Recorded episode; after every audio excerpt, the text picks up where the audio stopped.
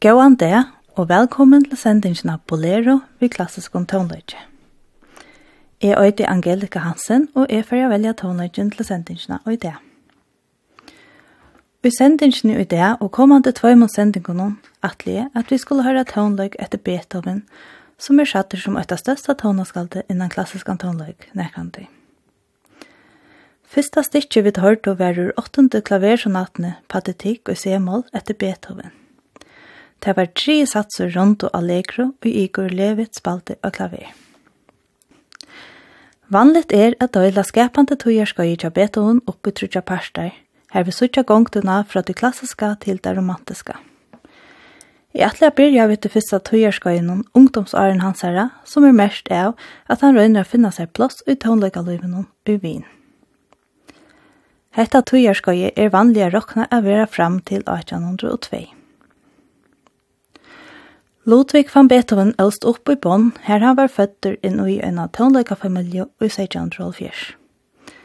Begge pape og appi hans har byrja å lære han tonløyk fra ungen aldri av, og da han vurste gå tonløykali evner, høttu tar atlaner om at han skulle være ta naste Mozart. Men papen Johan forsera ytla vi unga Ludvig, og øyla i honom badendommen, og hette avvarska han faktisk resten av livet. Åren bet om hun flyttet til vin, nå til han at lærer til Christian Gottlob Niffe, og i hvert hånd skald og organister i Bonn. Da i Beethoven og i 1620 for først og før flottet til Wien, var han langt og kjent for sitt hekne at improvisere av klaveren. Det var hildig at Beethoven av først og før sin i Wien at lei at lære til Mozart. Men hentan ferien gjørtes ikke som atla. Mamma hans har hansara gjørdist olvarsliga sjuk, og bedt hun gjør det av at flyta atter til Bonn av vera tja henne. Ta hon andais måtte bedt hun teka seg av sin tvær tveimen yngre brøvrun, tog papi hans har vært ikke før til dess. Så det var ikke før i 1692, og et godt år etter at Mozart døye, at han afturløyde seg til Wien. Her det viste seg at han fyrir byggva resten av løyven. Og i Wien lærte han til dem aller beste av hans tog. Her i middelen Albrechtsberger, Salieri og Heiten. Klaveret la hon nærmast å skriva fyrre, og det første versene han utgav da han kom til Wien, var klavertriøyer for klaver, violin og cello. Og en sammansetting som var blitt en vinsel i hese togene. Vi skulle høyre første klavertrio Beethovens og Beethoven, hon er i fyra satsen. Allegro, Adagio, Cantabile, Scherzo, Allegro assai og finale Presto. Det er å tre komperiet ur Kjøpmannhavn og spela.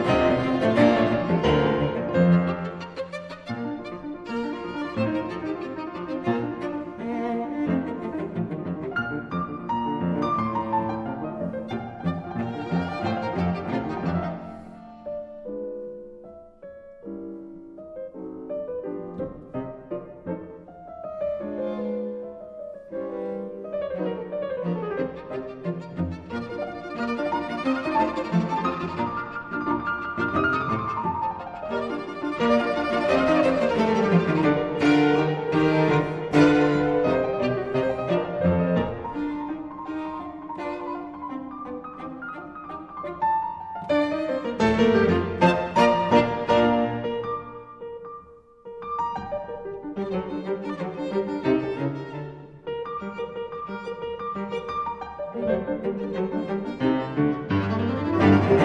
you.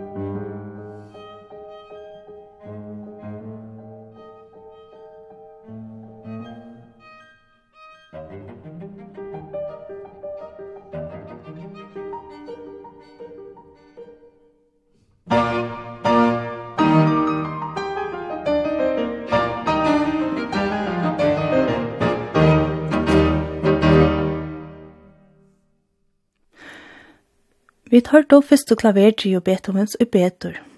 Det var Gio Combrio som spalte for Jakob. Strutsi kvartetter Beethovens er og tånleika perler ur verskon hans herra i fyrsta tøyerskøyen.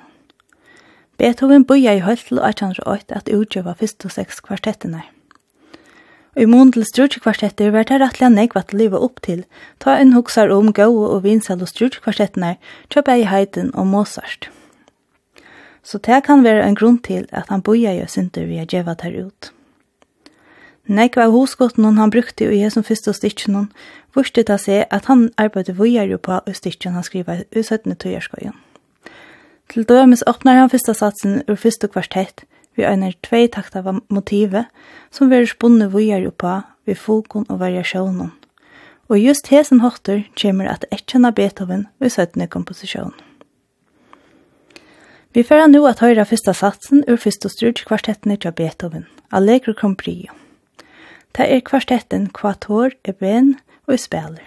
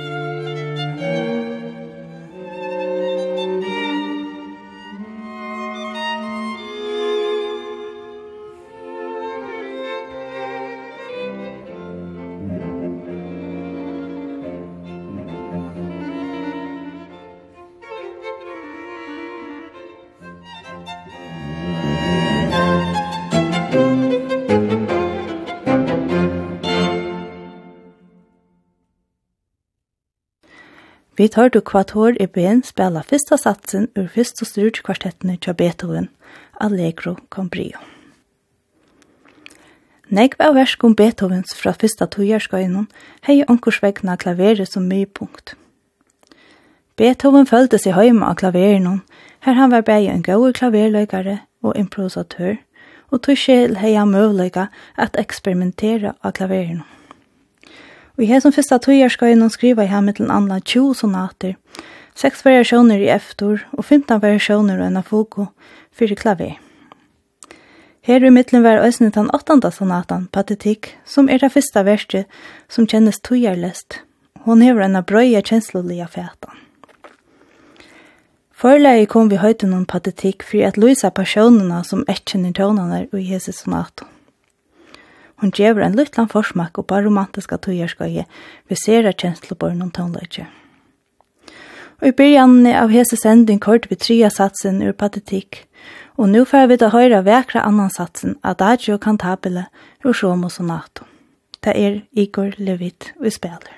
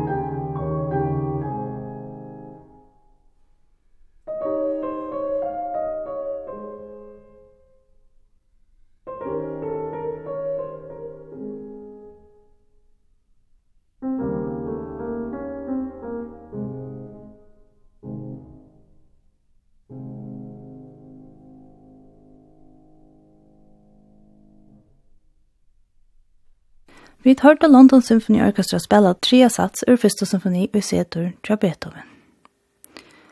Hetta var alt som var av skronni i og i det. Hentan sendingen var endursendt mannakvöldi klokkan 22 og er òsne a finna á heimasøyene til kringvarsnån kvf.fo framskak bolero. Jeg eit Angelika Hansen og tøkninger i det var Løyver Thomsen. Bolero verir atter at høyra nasta sundag Her vi færa tøyra møyra til versk Beethovens. Vi takkar tikkun lustaren fyrir a lusta vi i det, og ønskja tikkun ein framhaldande gåan det.